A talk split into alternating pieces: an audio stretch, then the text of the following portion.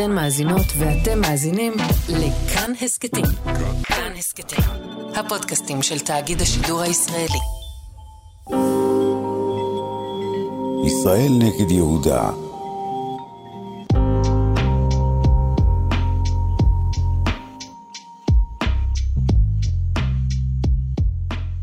שלום לכולם. בימים סוערים אלו, ימים בהם הקיטוב נמצא סביבנו בכל תחום, בימים בהם הכל נראה כאילו נגמר, כאילו 75 שנים הספיקו לנו כדי לחיות יחד תחת ישות שלטונית עצמאית, אנחנו שואלים האם אנחנו באמת לא יכולים לחיות כאן כולנו יחד. ואם אכן כך, איך כן אנחנו יכולים לחיות, ואם כן, איך זה ייראה, והאם זה באמת מה שאנחנו כולנו רוצים.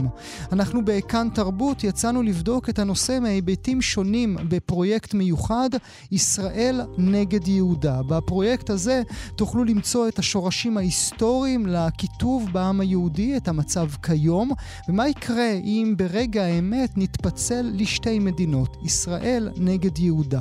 בפרק הנוכחי אנחנו נדבר על הישראל הישראלים השונים, הישראל נגד יהודה לכאורה בהוויה הכלל-ישראלית. נעשה זאת בעזרתם של שלושה חכמים שידברו איתנו על השסע, השוני והמאחד, על ידי יצירות תרבות מכוננות באומנות, במוסיקה הפופולרית ובקולנוע. עורך המשדר יאיר ברף בהפקה, טל ניסן על הביצוע הטכני אלעד זוהר. אני כאן איתכם גואל פינטו, עורכי יום השידורים הם מאיה סלע ויובל אביבי. רק נוסיף לפני שנתחיל שכל פרקי ההסכת יהיו זמינים להאזנה באתר ובאפליקציה של כאן ובכל יישומוני ההסכתים. והנה, אנחנו יוצאים לדרך. נברך לשלום את שולחן החכמים שאיתנו. שלום למבקרת הקולנוע של טיים-אאוט יעל שוב, שלום לך. שלום גואל. תודה רבה שאת נמצאת איתנו. נברך לשלום גם את המוסיקאי, העיתונאי, הפילוסוף, החוקר בבית תמוז, הבית למוסיקה בבאר שבע, דוד פרץ. שלום דוד. שלום וברכה גואל. ושלום לאומן, מנהל בית הספר הגבוה לאומנות פרדס, פורת סלומון. בוקר טוב לך. שלום, שלום גואל. פורת, אני רוצה להתחיל דווקא איתך ודווקא באומנות. אני רוצה שתיקח אותנו אל יצירה אולי פחות מוכרת למאזינות והמאזינים שלנו, אולי בכלל לקהל הרחב, וזה מיצג הציון בקברו של הרצל. כן, טוב, זה, זו עבודה שהיא אה, של אה, בוגר, אה, בוגר של בית הספר שלי, פרדס, בוגר בשם דוכי כהן, שיצר בעצם העתק אחד לאחד של האנדרטה לקברו של הרצל, רק שהוא יצר אותה ב, במסורת, במסורת החומרית של ציוני קברים, קברי צדיקים. Mm-hmm. יצר פרוכת רקומה. בפסוקים, אה, בהקדשות, ובעצם אה, פה נקבר אה, משיח בן יוסף. הרצל. רבנו הגדול, הוא הפך את הרצל לאדמו"ר גדול. מה היה התהליך המחשבתי של האומן בעצם?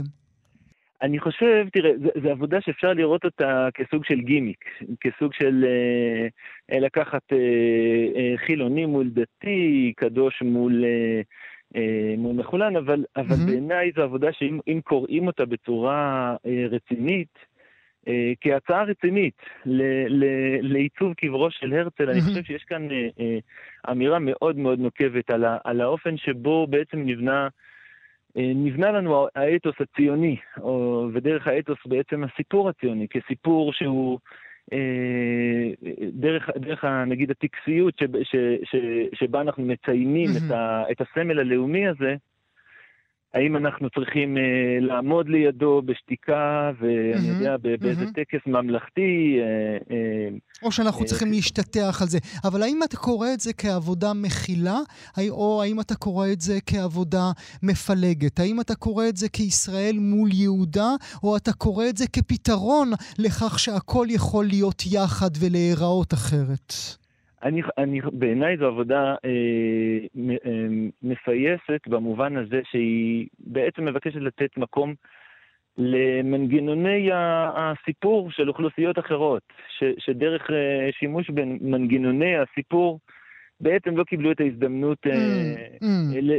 להתחבר באופן שבו הם רגילים להתחבר לסיפורים תרבותיים. זאת אומרת, בין אם זה לא, אני לא חושב שהסיפור פה הוא שהרצל היה רב. והוא איזה, אני יודע, איזה נציג של אלוהים ש, שדרכו אנחנו יכולים, ל, ל, אני יודע, לבקש ולקבל סגולות, אלא, אלא הסיפור הוא שבעצם, אני, אני יכול לדמיין אוטובוס של, אה, של ילדי בית ספר שמגיע להתפלל, mm-hmm, mm-hmm. להתפלל על המדינה, ו- להתפלל ו- על עם ישראל. ולא לחינם, צריך להוסיף לנקודה הזו שהאומן דוחי, דוד כהן, גם יצר קונטרס השתתחות, איזה פרקי תהילים צריך לקרוא בשעה שנמצאים uh, על הקבר. הוא לא הופך את הרצל לאדמו"ר, אלא נותן מין uh, מפה, מין מסלול. אם אתם רוצים באמת להודות לאיש הזה, זה מה שאתם צריכים לעשות. נכון, ולהפוך אותו לסוג של... של אה, סבא משותף, אפשר לקרוא לזה. אם אנחנו עולים לקבר של הסבא שלנו ו- ו- ונזכרים בו ב- ב- בסיפור המשותף שלנו, הסיפור המשפחתי המשותף שלנו, ודרך האופן שבו אנחנו רגילים להתחבר אל הסיפורים המשפחתיים שלנו, אז אולי גם הרצל הוא עוד נדבך בסיפור המשפחתי שלנו, ו- ואולי על הקבר שלו אה, אנחנו קוראים תהילים, ואנחנו, ויש לנו קונטרס ש- שמזמין אותנו להתחבר אל הסיפור מתוך, ה- מתוך ה- התפילה המשותפת על, ה, על המדינה שלנו, על העם שלנו. אז אה, זה באמת אה, המחבר. אולי בנקודה זו אעבור אלייך, יעל. אה, כאמור, יעל שוב מבקרת הקולנוע של טיים אאוט. הקולנוע אוהב חיבורים או שהוא מעדיף את המפלג? תשמע, הקולנוע אוהב אה, דרמה, יש, יש הכל, אפשר למצוא הכל מכל וכל. אה, צריך גם לזכור ש... כן, כל, אה. כל, אה, כל סרט הוא אה, לא רק חזון של האמן האחד, כמו במקרה שדיברת עליו הרגע. אלא. זה יצירה קיבוצית, שלא רק שעושים אותה הרבה אנשים, אלא גם זו יצירה שהיא צריכה לקבל כסף מהקרנות, וזה לקטורים שהם צריכים לקרוא. בסופו של דבר, זה מייצג בצורה כזו או אחרת הרבה אנשים. כאשר אנחנו, כן. כאשר אנחנו חושבים uh, על פילוג, למשל, יעל, באופן טבעי, לפחות בשנים האחרונות, אנחנו הולכים אל היצירה של גידי דר ואגדת חורבן שלו, נכון? לשם אנחנו ישר רצים. אה, לשם אתה רץ, לשם הרבה אנשים רצים, לא, אני לא, באופן אישי. כי כן, אבל בוא נגיד ככה, זה גם סרט שמפלג את הצופים מבחינת איך הם מפענחים אותו. כי זה ללא ספק סרט שעשה, השתמש באיזשהו סיפור... Uh, אה, עם בסיס היסטורי, אבל בעיקר אה, בס... אה, נוכחות מיתולוגית mm-hmm. בתרבות היהודית, שעסק באכן פילוג. אבל מה הפילוג הזה מייצג היום, מה הסמליות שלו היום, על זה היה חוסר הסכמה. Mm-hmm. אנשים שונים ראו את הסרט כראות עיניהם. ואת, איך את, נוצר... איך את תפסת אותו? אז זה, זהו, שלי בסופו של דבר תחושה שיש שם בעיה בסרט. Mm. לכן אני, כי הסרט נוצר על ידי שיתוף פעולה של יוצרים חילוניים mm-hmm. וחרדים. שולי רנד וגידי דר, והשילוב הזה גם רצה ללמד אותנו משהו, הצופים. הנה, אנשים חרדיים כן. מאוד וחילונים מאוד, כולל פולונסקי, המאייר, יכולים לעבוד יחד וליצור יצירה משמעותית. יחד עם זה, התחושה שלי כצופה הייתה שבאמת כנראה שכל אחד אה, ראה אחרת את חורבן בית המקדש למשל. האם חורבן בית המקדש שהוא תולדה של הסיפור שם, האם הוא אסון בפני עצמו, או שהוא מייצג אה, אה, באופן סמלי אה, פילוג בעם שהוא בעייתי. Mm. זאת אומרת, מי שם בסרט מייצג את מי היום. אני לא מצאתי שיש שם בסיפור שבסרט ייצוג רלוונטי לפילוג, למשל, בין ישראל ליהודה היום. שם זה הרי יהודה מול יהודה, זה לא... אה, כן. אלה פנאטים מול פנאטים, וגם תפקיד האלוהים לא מאוד ברור בהגדת חורבן. כן, כן. והאם אחד מהדימויים שחוזרים שם בסרט זה שחיטה של אה, צאן בבית המקדש, והדם על הקירות, אז האם זה דימוי של, כן, של אה, שיכול לצמוח מלחמת אחים, או שזה מה שזה. זאת אומרת, ואני לא אה, שחיטה של חיות, אה, של, כן, mm-hmm. של סוג של טקס דתי, אה, נראה כל כך אה, מנותק ולא רלוונטי, למרות שיש אנשים שכן, אנחנו יודעים שיש אנשים היום שנאבקים על זכותם לעלות לבית המקדש ולהקריב קורבנות. אז הכל שם נראה קצת אה, מבולבל.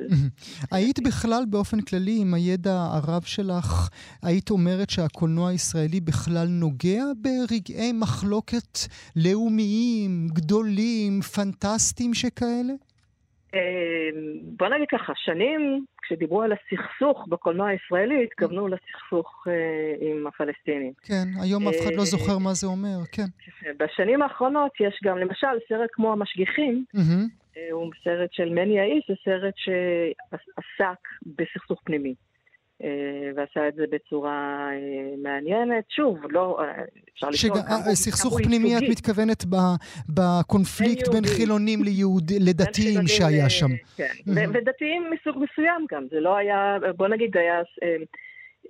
כי שם כן, זה חילונית מול דתיים, אבל דתיים אגרסיביים. זה לא סרט שאומר... אלימים מאוד. אלימים שחוזרים, זאת אומרת, בחורים עבריינים במקורם חזרו בתשובה, והם בעצם, את הבריונות שלהם מגייסים אותה עכשיו לטובת אה, תקיפה של אה, כל מי שלא מוצא חן בעיניהם, בטיעון שזה דרישה שהם ישמרו על מצוות. Mm-hmm. אבל בוא נגיד סרט אחר שעסק בסכסוך פנימי בתוך קהילה דתית, אם כבר זה איש מחתני, mm-hmm. ששם uh, טיפל באמת בסוגים שונים של גישה לדת. של שלומית uh, נחמה, uh, היא, הייתה, היא הייתה אמונה על הסרט הזה. למה שם שכונת הבוכרים הייתה אומנם מאבק דתי על בית כנסת היה שם אומנם, אבל זה היה מכיל יותר, או לפחות זה הרגיש ככה. כן, כי בסופו של דבר זה סרט פמיניסטי. זה סרט על... שם הנשיות נכנסת, אוקיי. כן, בצורה בולטת. אז היית אומרת שהמשגיחים של אה, מני יאיש הוא החיבור בין ישראל ויהודה, הכל ביחד, זו ישראל, אין דבר כזה רק זה או רק זה, אלא שניהם תמיד הולכים יחד בישראל של היום? אמ, מבחינת הקונט, תשמע, זו אמירה כללית מדי. בקולנוע, בוא נגיד ככה, יש אה, בין אה, מה שהיום אנחנו קוראים לו ישראל ויהודה, אני חושבת שהוא עולה באמת רק בשנים האחרונות. הוא עולה באיזשהו אופן גם בהילולה, למרות הסרט החדש, mm-hmm. החדש, למרות ששם, אה, בוא נגיד, הנציג של ישראל זה, השכן, זה הדמות האחת, אה, למרות שהסרט עצמו לא רואה את עצמו ככה, אני חושבת mm-hmm. שהוא רואה את עצמו כסרט ישראלי. אבל יש שם אשכנזי אחד שהוא היחידי שהוא לא חלק מכולם, שהוא לא חלק מהאחווה שמוצגת בסרט, שהיא כוללת אפילו את הערבים בעזה, אבל היא לא כוללת את האשכנזים. שם, אה, כן, והיא לא כוללת את האשכנזי, כי הוא למשל מתחפש ל... אה, זה, זה קורה ביום, אה, ב, לא ביום, בחג פורים, והוא מחופש לאפיפיור עם צלב גדול, בזמן שכולם שם הם דתיים שהם נוסעים, וגם אם לא דתיים, הם מצטרפים לעניין של לנסוע לנתיבות להילולה של הבבא סאלי. זאת אומרת, אז בצורה ברורה הוא הקונטרה, אשכנזי מזוהה עם אנטי-דתיות, עם אנטי... אנטי-דתיות, הווה אומר אנטי-יהודיות. אז אולי באמת הכל כאן מדובר, ועכשיו אעבור אליך ברשותך דוד פרץ, כאמור מוסיקאי, עיתונאי, חוקר בבית תמוז, אולי באמת היצירות התרבותיות ב-70 שנות לא עסקו באמת בדברים הגדולים האלה של ישראל ויהודה, אלא באמת נכנסו אל תוך הבית פנימה, אל לשכת העבודה, הייתי אומר. אה, אנחנו על לשכת העבודה של ג'ו אמר, כן, מ-59, אבל אני אגיד, בהמשך למה שאמרו פה קודמיי וחכמיי, שבהרבה מובנים השיחה הזאת סביב הישראל-יהודה, היא לכאורה עוברת מעל ראש של אוכלוסייה מאוד גדולה. כי הסיפור המורכב של הישראליות, בניגוד להרבה חברות מהגרים, זה שהמהגרים שהגיעו לכאן, מ, נקרא לזה מכל התפוצות, בעצם חולקו תרבותית לשניים, למרות שזה לא מדויק, אבל נאמר, בהכללה גסה.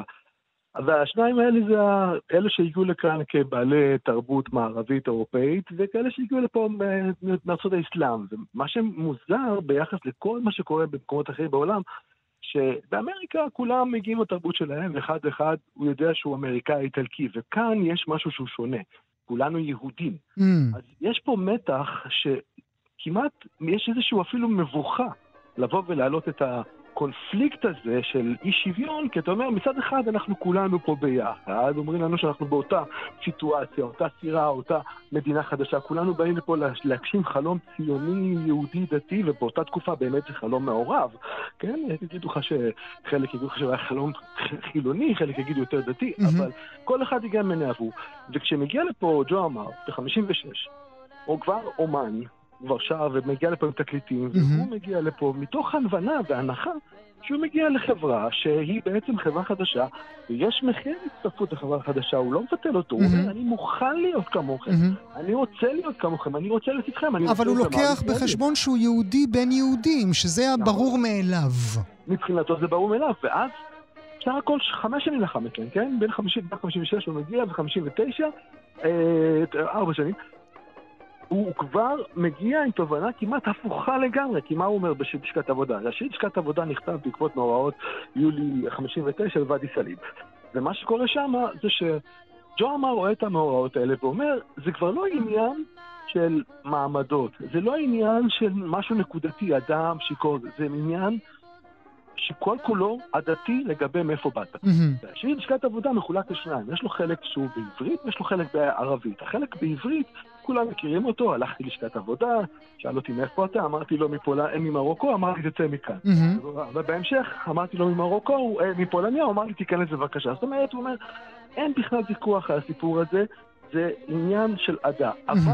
אבל הוא הולך אל המרוקאית כדי להעביר את הביקורת באמת. ביקורת שלו עצומה, הוא אומר שם במרוקאית, הוא אומר, עבדו עלינו. אני נזכר בדברי האנשים שהביאו אותנו לכאן, אני חושב על דבריהם, ואלוהים מה נהיה מאיתנו. אגב, כקריאת מחאה. עכשיו, ייאמר בצורה ברורה, השיר הזה הוא שיר פרטיזני.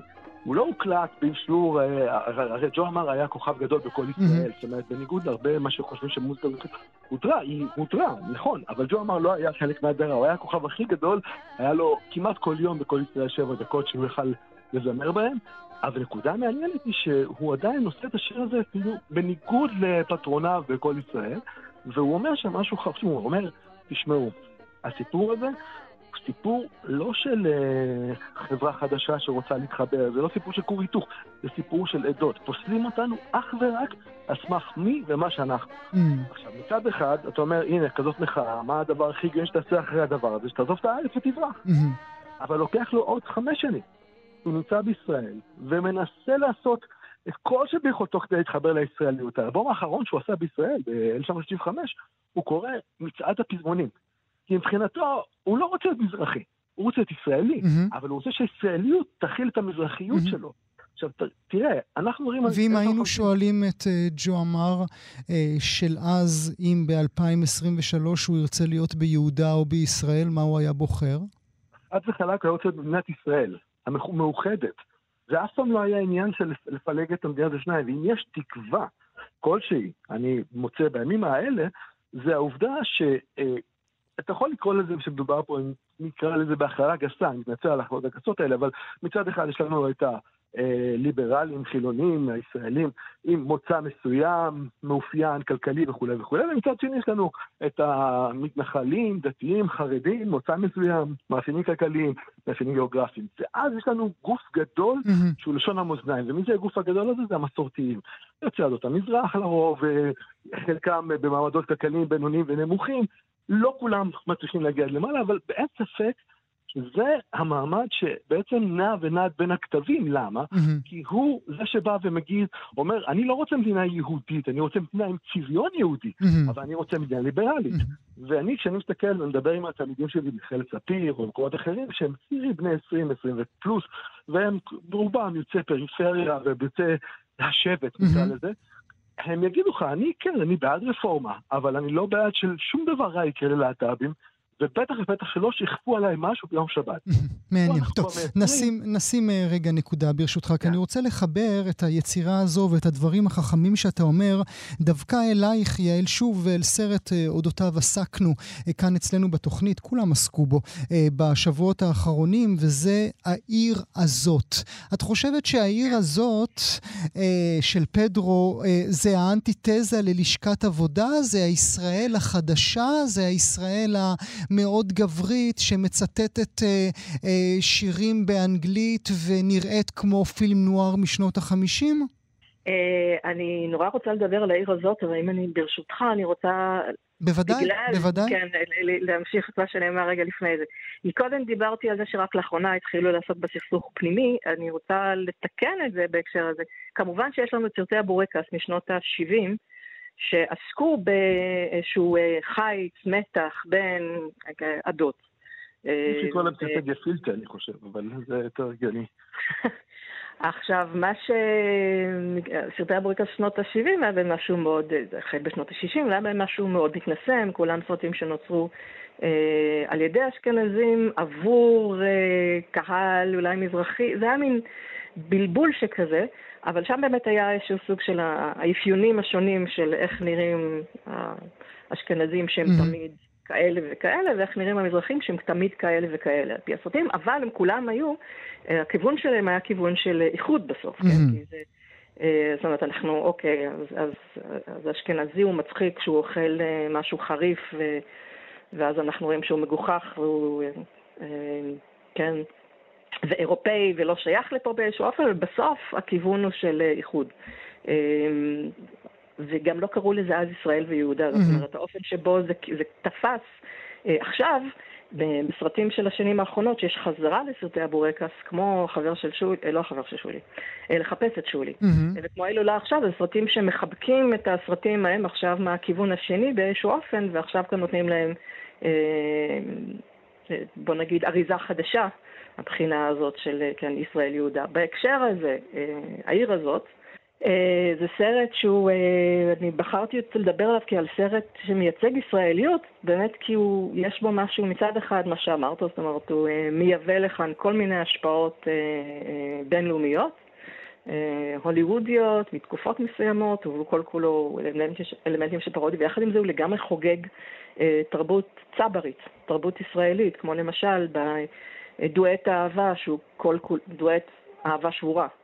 שכולו מורכב ממשפטים של שירים, פזמונים. Mm-hmm. ציטוטים של שלמה כן. ארצי כן. ואין סוף, כן.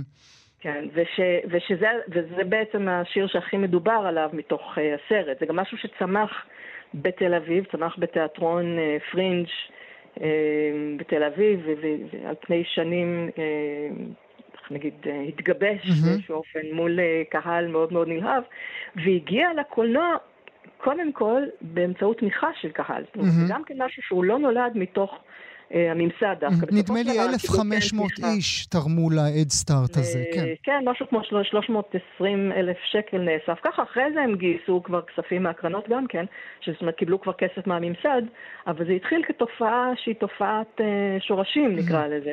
אבל זה סרט שבעיניי... של, אבל מאוד ספציפי, כן. זה סרט בעינייך שבכלל רואה את יהודה, או שרק מתעסק בקונכיית לא. הישראל?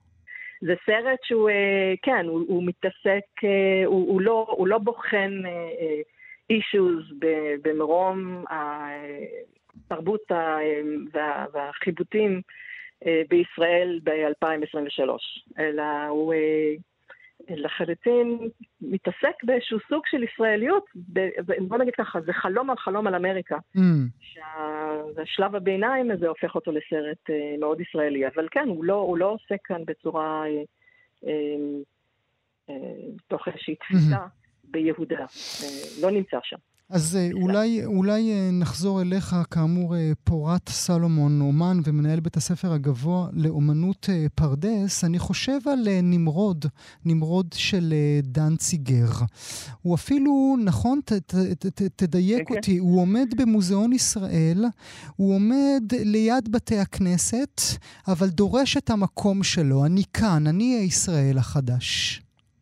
כן, הייתי, הייתי אומר את זה ככה, בעצם בשנות ה, קום המדינה ושנות ה, ככה אה, ניסוח הישראליות, אה, היה, התקיים איזה מין מרוץ, אה, מרוץ שקט כזה ליצור את, ה, את האיקונה הישראלית, את, ה, את האייקון שייצג את, שיספר לנו את מי אנחנו.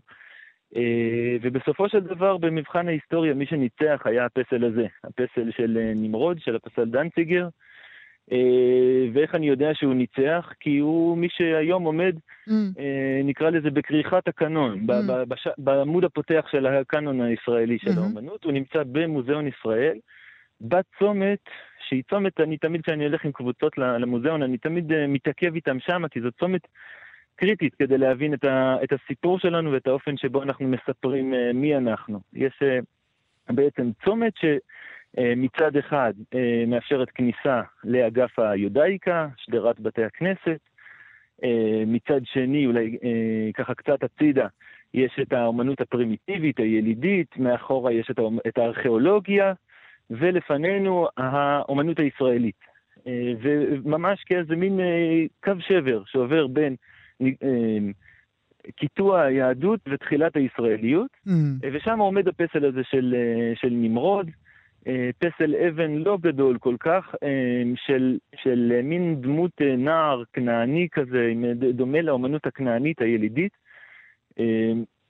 מחזיק אה, מקל גדול, ובעצם אה, המבט שלו ככה עומד עם נץ על הכתף גם, הוא צייד, אה, ומחציף פנים, נגיד, נקרא לזה ככה, כלפי השמיים. Mm-hmm. עכשיו, הרבה מהאיקונות האלה שדיברתי עליהן, שניסו לנסח את האיקונה, היה בוריס שץ לקח את מתתיהו החשמונאי, היו ניסיונות לקחת את משה רבנו, את, את אברהם, אבל דווקא דנציגר בוחר בדמות ה... אה, השולית ואפילו בנבל, מתוך הסיפור התנ"כי, mm. אה, ומעמיד אותו בעצם כמי ש... אה, מעיז פניו מול, ה, מול השמיים, ובעצם אומר, מכאן אנחנו מסתדרים לבד, תודה רבה. אנחנו לא צריכים את בית הכנסת שמולנו. בדיוק, אנחנו מתחילים מסורת חדשה, או אנחנו, אנחנו ה, ה, היהודי החדש, אולי, אני, אני מניח שהוא היה מתנער חלק מהתנועה הכנענית הוא היה מתנער גם מהניסיון הזה לדבר על היהודי החדש. אנחנו כנעניים, אנחנו מקומיים. ובעיניי, אה, אה, עכשיו, דבר מאוד מאוד דרמטי שהוא עושה שם, ובעיניי זה הבחירה המעניינת ביותר בתוך העבודה הזו, היא שהוא לא יוצר, לא יוצר את, ה, את הנער הזה, לא בשיש ולא בברונזה, mm. אלא הוא מזמין במיוחד בתהליך מאוד ארוך, דרך פועלים פלסטינים שהוא מכיר, הוא, הוא, הוא משיג אבן חול שמגיעה אליו מפטרה. Mm-hmm. ובעצם הפסל הזה הוא פסל של, אה, של אה, נער שעשוי מאבן חול, ואבן חול היא דבר שמתפורר. Mm-hmm. ואני חושב שיש כאן בחירה מאוד מאוד מעניינת לספר את הסיפור ה, אה, מצד אחד את, ה, את הנער הגאה והחצוף הזה, אבל מצד שני גם תודעה שיש בו משהו, הזמניות שלו היא זמניות mm-hmm. חולפת, הוא לא... ואני רוצה להרחיב מזה רגע לא, לאמירה כי, יותר כי, גדולה. כי לגמרי ברור, אתה התחלת בדבריך ואמרת, אה, הוא ה poster boy של האומנות הישראלית, הוא נמצא ב front page של האומנות הישראלית. מחר הוא יכול כבר לא להיות ב front page. נכון, נכון. ואני אני, אני, אני חושב שאם אנחנו מדברים על יהודה וישראל, וקצת דיברו כאן על, ה, על, ה, על הדתי והחילוני, דיברו כאן על, ה, על, ה, על יחסי אה, פריפריה, אולי זה... אני רוצה לדבר על, על תודעת זמן. זאת אומרת, אה, בעיניי גם היהדות והישראליות הם שתי, שני קולות, שני סטים של שאלות שונות לגמרי שפועלות בתוך אותה אישיות יהודית-ישראלית, נקרא לזה ככה. אה, ובין הקול היהודי, שהוא הנצחי, המופשט, חסר מקומיות, הוא איזה מין משהו ש... אה, איזה מין הגורל היהודי הנודד כזה, לבין, ה, לבין הישראליות שמנסה ל, ל, לפתח שיחה חדשה, שיחה על העכשוויות, על מקומיות, ו, ו, ולא מפתיע שהיא גם בעיקר כשהישראליות מופיעה, מופיעה גם החומריות בפעם mm. הראשונה. Mm. זאת אומרת, היהדות פתאום, יהודים פתאום מתחילים לגעת בחומר, זה, זה דבר שכמעט לא היה לאורך אה, המסורת היהודית. פתאום יש לנו פסלים, פתאום יש לנו... אה, תרבות חזותית mm-hmm. שמתחילה להיוולד. אבל אולי, ו... אולי יהודה כבר לא ירצו שיהיו לנו פסלים. אז אני, אני, בעיניי, בעיניי אלו שני תאומים, כן, שני תאומים בבטנך ושני לאומים מאייך יפרדו, אלו שני תאומים שהם נאבקים כל הזמן בתוך הבטן, ה, בתוך הבטן הישראלית. ואני רוצה למשל לקחת את הדוגמה שמורן דיברה עליה של המשגיחים, שהוא בעיניי אחד ההפסגות של הקולנוע הישראלי. יעל, כן, מורן זו אחותה. כן, כן, סליחה.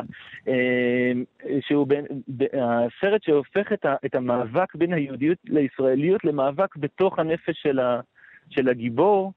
אה, מאבק בין שני סטים של ערכים, וברור שיש שם אלימות ואגרסיביות והתמודדות עם הדבר הזה, אבל בסופו של דבר, אני רק רוצה להחזיר לסצנת הסיום, ששם מה שמרפא בסוף את, ה, את המצב ומה שמחזיר את, ה, את הסדר על כנו הוא דווקא הטקס הדתי, mm. הוא ההבדלה, וה, והיכולת, ההבדלה המשפחתית שהם עושים שם איזה מין פיוס משפחתי והשלמה, ודווקא היכולת אה, אה, אה, לספר מחדש את, ה, את, ה, את המסקנות ואת ה, את ההבנה החדשה לגבי אה, איך לאזן בין ערכים, mm-hmm. דרך היכולת להבדיל, דרך, mm-hmm. ה, דרך החזרה אל הטקס הזה של ההבדלה. ו, ולכן אני אומר ש, שהישראליות הזאת, שבוחרת להיות אה, אבן חול שמתפוררת, אה, עדיין... אה, עדיין יש לה תקווה. אבל, אבל מה שבטוח, אולי את זה אשאל אותך, דוד פרץ, זה, מה שבטוח זה עם כל היצירות החכמות עליהן אמרתם דברים חכמים, זה בטוח לא מקום לחלשים. זה ממש לא מקום לחלשים, כמו ששר אביב גט. תראה, אני חושב שה... הקשת הזאת, אם אתה רוצה למתוח אותה מנמרוד וסרטי הבורקס, שהיא בעצם מבנה את המאבק התרבותי על אופייה של המדינה הזאת, אופייה החברתי-תרבותי. אז כמו שאמר פורת, זה מאוד יפה שהאבן חול הזאת באמת מתפוררת עם השנים, כי לדעתי ולהבנתי, האופציה הכנענית, נקרא לזה, להגיד בוא נשכח את ה... את היהדות שלנו ונייצר פה ישראליות חדשה, לא, לא צלחה לאורך mm. היא לא הצליחה. Mm. אבל במקומה הגיעה אופציה אמריקאית, שאמרה, עזוב אותך מעיסוק במהות הישראלית שלך, קודם כל שיהיה לך טוב, קודם כל שנשרוד, קודם כל שנעשה פה כמה שיותר כסף, קודם כל שנעשוק פה את כולם, כי וואלה, מה זה משנה? אנחנו פה בשביל להיות אמריקה, ואני חושב שגם אם קושרים את זה לסרט העיר הזאת, אחד הדברים המרתקים, אני ראיתי את הסרט הזה יחד עם ביתי, ואחד הדברים המרתקים היה לראות שמבחינתה וגם בסרט, גם בשיר אהבה, לא היה הבדל בין שיר של מאיר אריאל לאביהו מדינה. זאת אומרת, הם שופצו בתוך שיר אהבה כאינטגרציה מושלמת של הישראליות. אף אחד לא אמר, וזה, it's a good thing, נכון דוד? אני חושב, אני חושב שאם מסתכל על מוזיקה, אתה יכול להגיד לאיפה ישראל הולכת. היום כבר ברור לחלוטין שאין יותר דבר כזה, שאתה שומע אה, דברים כמו עומר אדם או סטטיק ובן אל, או אפילו דברים יותר חדשים, אתה כבר מבין שאין שם, אין, אי אפשר להגדיר את זה כמזרחית. הם אפילו, השאלה מוזרה, מה זה מזרחית? זה כבר לא מזרחית, זה ישראלי. הפופ הישראלי הוא בעצם התולדה של שלושה דברים, היהדות, ההתנעניות ישראליות באמריקה. וזה הדבר המעניין שקורה פה, ואני... וצריך להגיד אולי גם דובאי במקום uh, אמריקה. למה מקום לחלשים? למה מקום לחלשים? כי אני חושב שאם אתה מסתכל ובוחן את התרבות הישראלית, אז אחת הביקורות הגדולות שלי עליה זה העובדה שהיא לפעמים בוחרת את האלמנט הכלכלי, ופחות את האלמנט הערכי, ואני חושב שאביב גז מסתכל על הזאת מלמטה ואומר, חברים, המקום הזה פשוט לא רואה את האנשים החלשים כאן, mm. חלק בחברה, והזעם שלו והעוצמה של המוזיקה הזאת, שהוא מתאר את זה, זה יצירה יחסית חדשה, כשהוא אומר את הדבר הזה, הוא פשוט מגדיר לך את סט הערכים שעליו בעצם מתבססת גם מחאת 2011 וגם מחאה שאנחנו נמצאים mm. בתקופת היום. זה לא בורח מהמציאות, זה מסתכל לה בעיניים.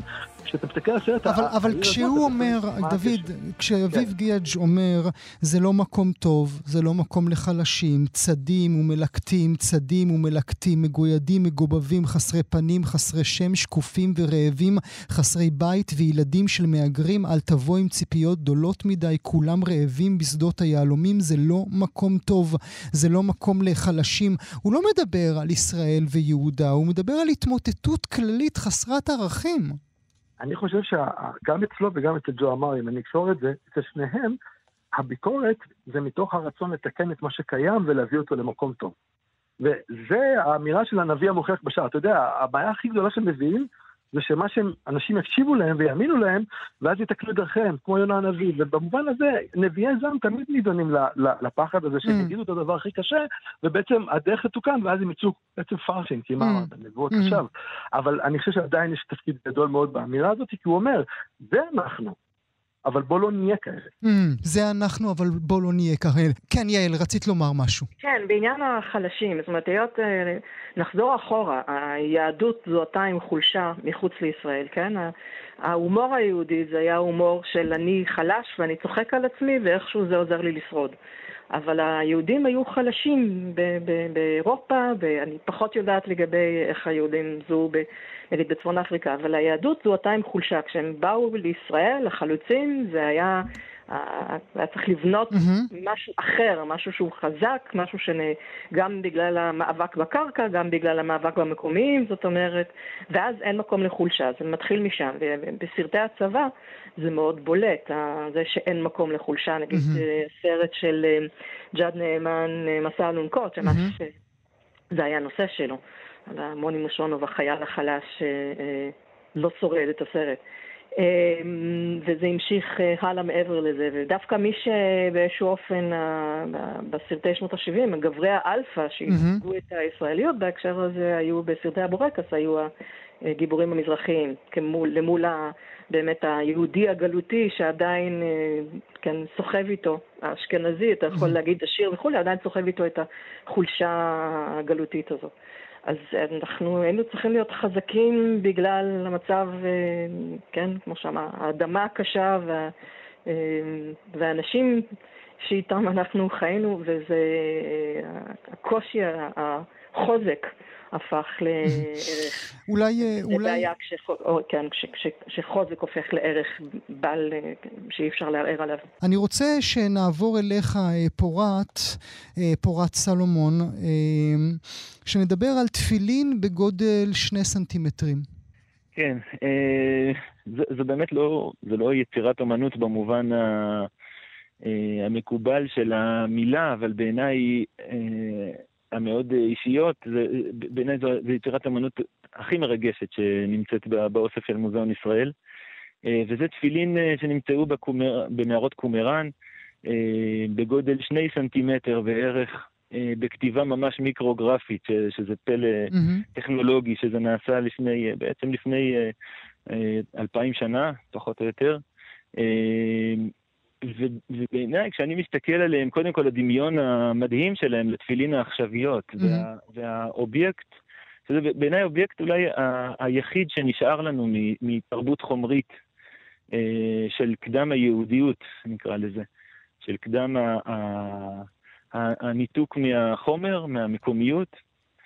אה, וה, והדבר, ו, ו, וזה אובייקט חומרי ש, שבעיניי מספר את כל הסיפור אהמ. אה, של, של, של המחתרת, של, של הרעיון המחתרתי הזה שעובר כל הזמן מתח, סליחה, מתחת לפני השטח, אה, הרעיון הזה של החיבור אל איזה תורת, אה, איזה תורת סוד, זה, זה חלק מהתפילין האלה שייכים לכת שישבה, שהתבצרה במערות ובעצם התנתקה מה... מהחיים, אבל דווקא הניתוק שלה בסופו של דבר הפך אותה לנצחי, ל, ל, לדבר ששורד עד ימינו, ו, ובסופו של דבר אני, אני מאמין שגם החזיר אותנו לכאן, mm. ולכן, ולכן הוא קריטי ל, ל, לסיפור המשותף שלנו. ו, ו, ואני חושב שהניסיון לקבור... שמה, שניזכר או... בפרט החומרי הזה של אנשים שנלחמו כדי להיות מה שאנחנו היום? של להיזכר באובייקט הקטן הזה. אגב, השני סנטימטר, הצמצום הזה הוא בגלל שהם אה, הם, הם לבשו את התפילין עלי, עליהם כל היום. והם mm-hmm. שמו אותם בעצם בין העיניים, כאיזה מין... אה, ולטוטפות בין עיניך, כן. לטוטפות בין עיניך ממש במובן המילולי, אנחנו היום לא נוהגים ככה, אבל ממש במובן המילולי של... אה, וה, והדימוי הזה שהוא איזה מין אה, אה, השריד היחיד לאיזה תת מודע קולקטיבי mm-hmm. שהולך איתנו, בעיניי הניסיון לקבור את ה... אם דיברתי קודם על שני התאומים שמתרוצצים בתוך הבטן, mm-hmm. הניסיון להפיל אחד מהם הוא פשוט ניסיון, הוא, הוא, הוא, הסכנה שלו היא פשוט לקרוע ממש את ה... את להרוג ה... את שניהם יחד, אולי. בדיוק. אה, אולי נסיים אה, איתך, דוד, כי זה מתחבר בדיוק לדבריו של פורת, כי כולנו רקמה אנושית אחת חיה, ואם אחד מאיתנו הולך מעימנו, משהו מת בנו ומשהו נשאר. איתו, נכון? גם השיר הזה, שהוא, אה, אה, אפשר להתח... להתייחס אליו במין לה לה לנד של חיבורים, אבל הוא העומק עצמו, כמו שאומר פורט.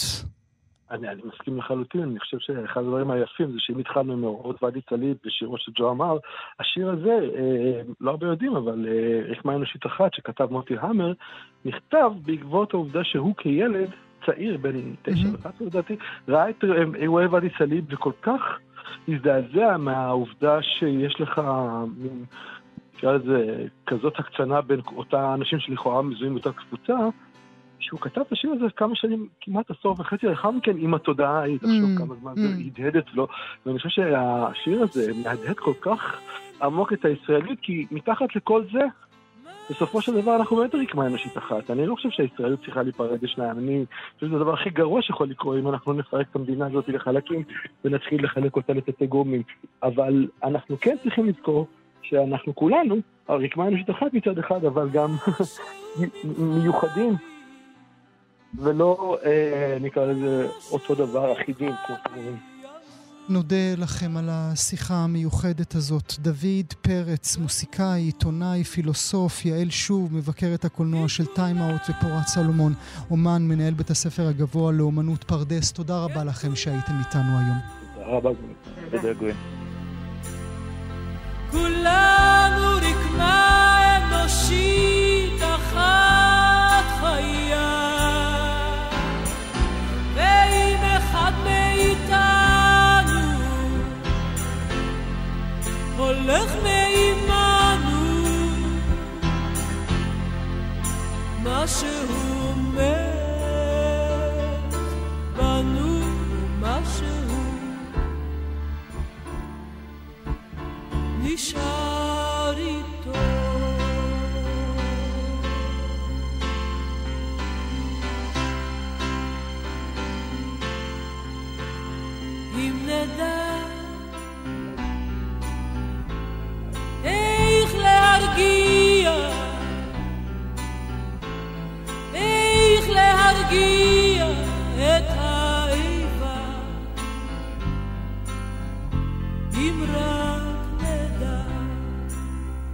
אם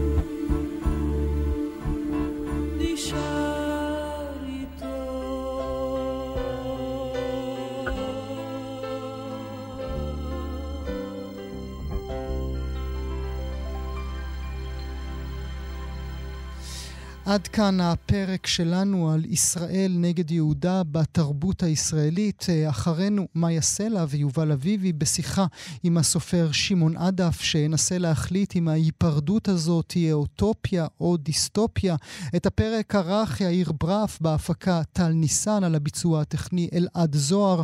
תודה גם למפיקי הפרויקט איתי אשת וקורל קייקוב, ולעורכי יום השידורים מאיה סלע ויובל אביבי. אנחנו כאן תרבות. אתם תוכלו לשמוע את כל פרקי הפרויקט המיוחד הזה באתר ובאפליקציה של כאן ובכל יישומוני ההסכתים. להתראות.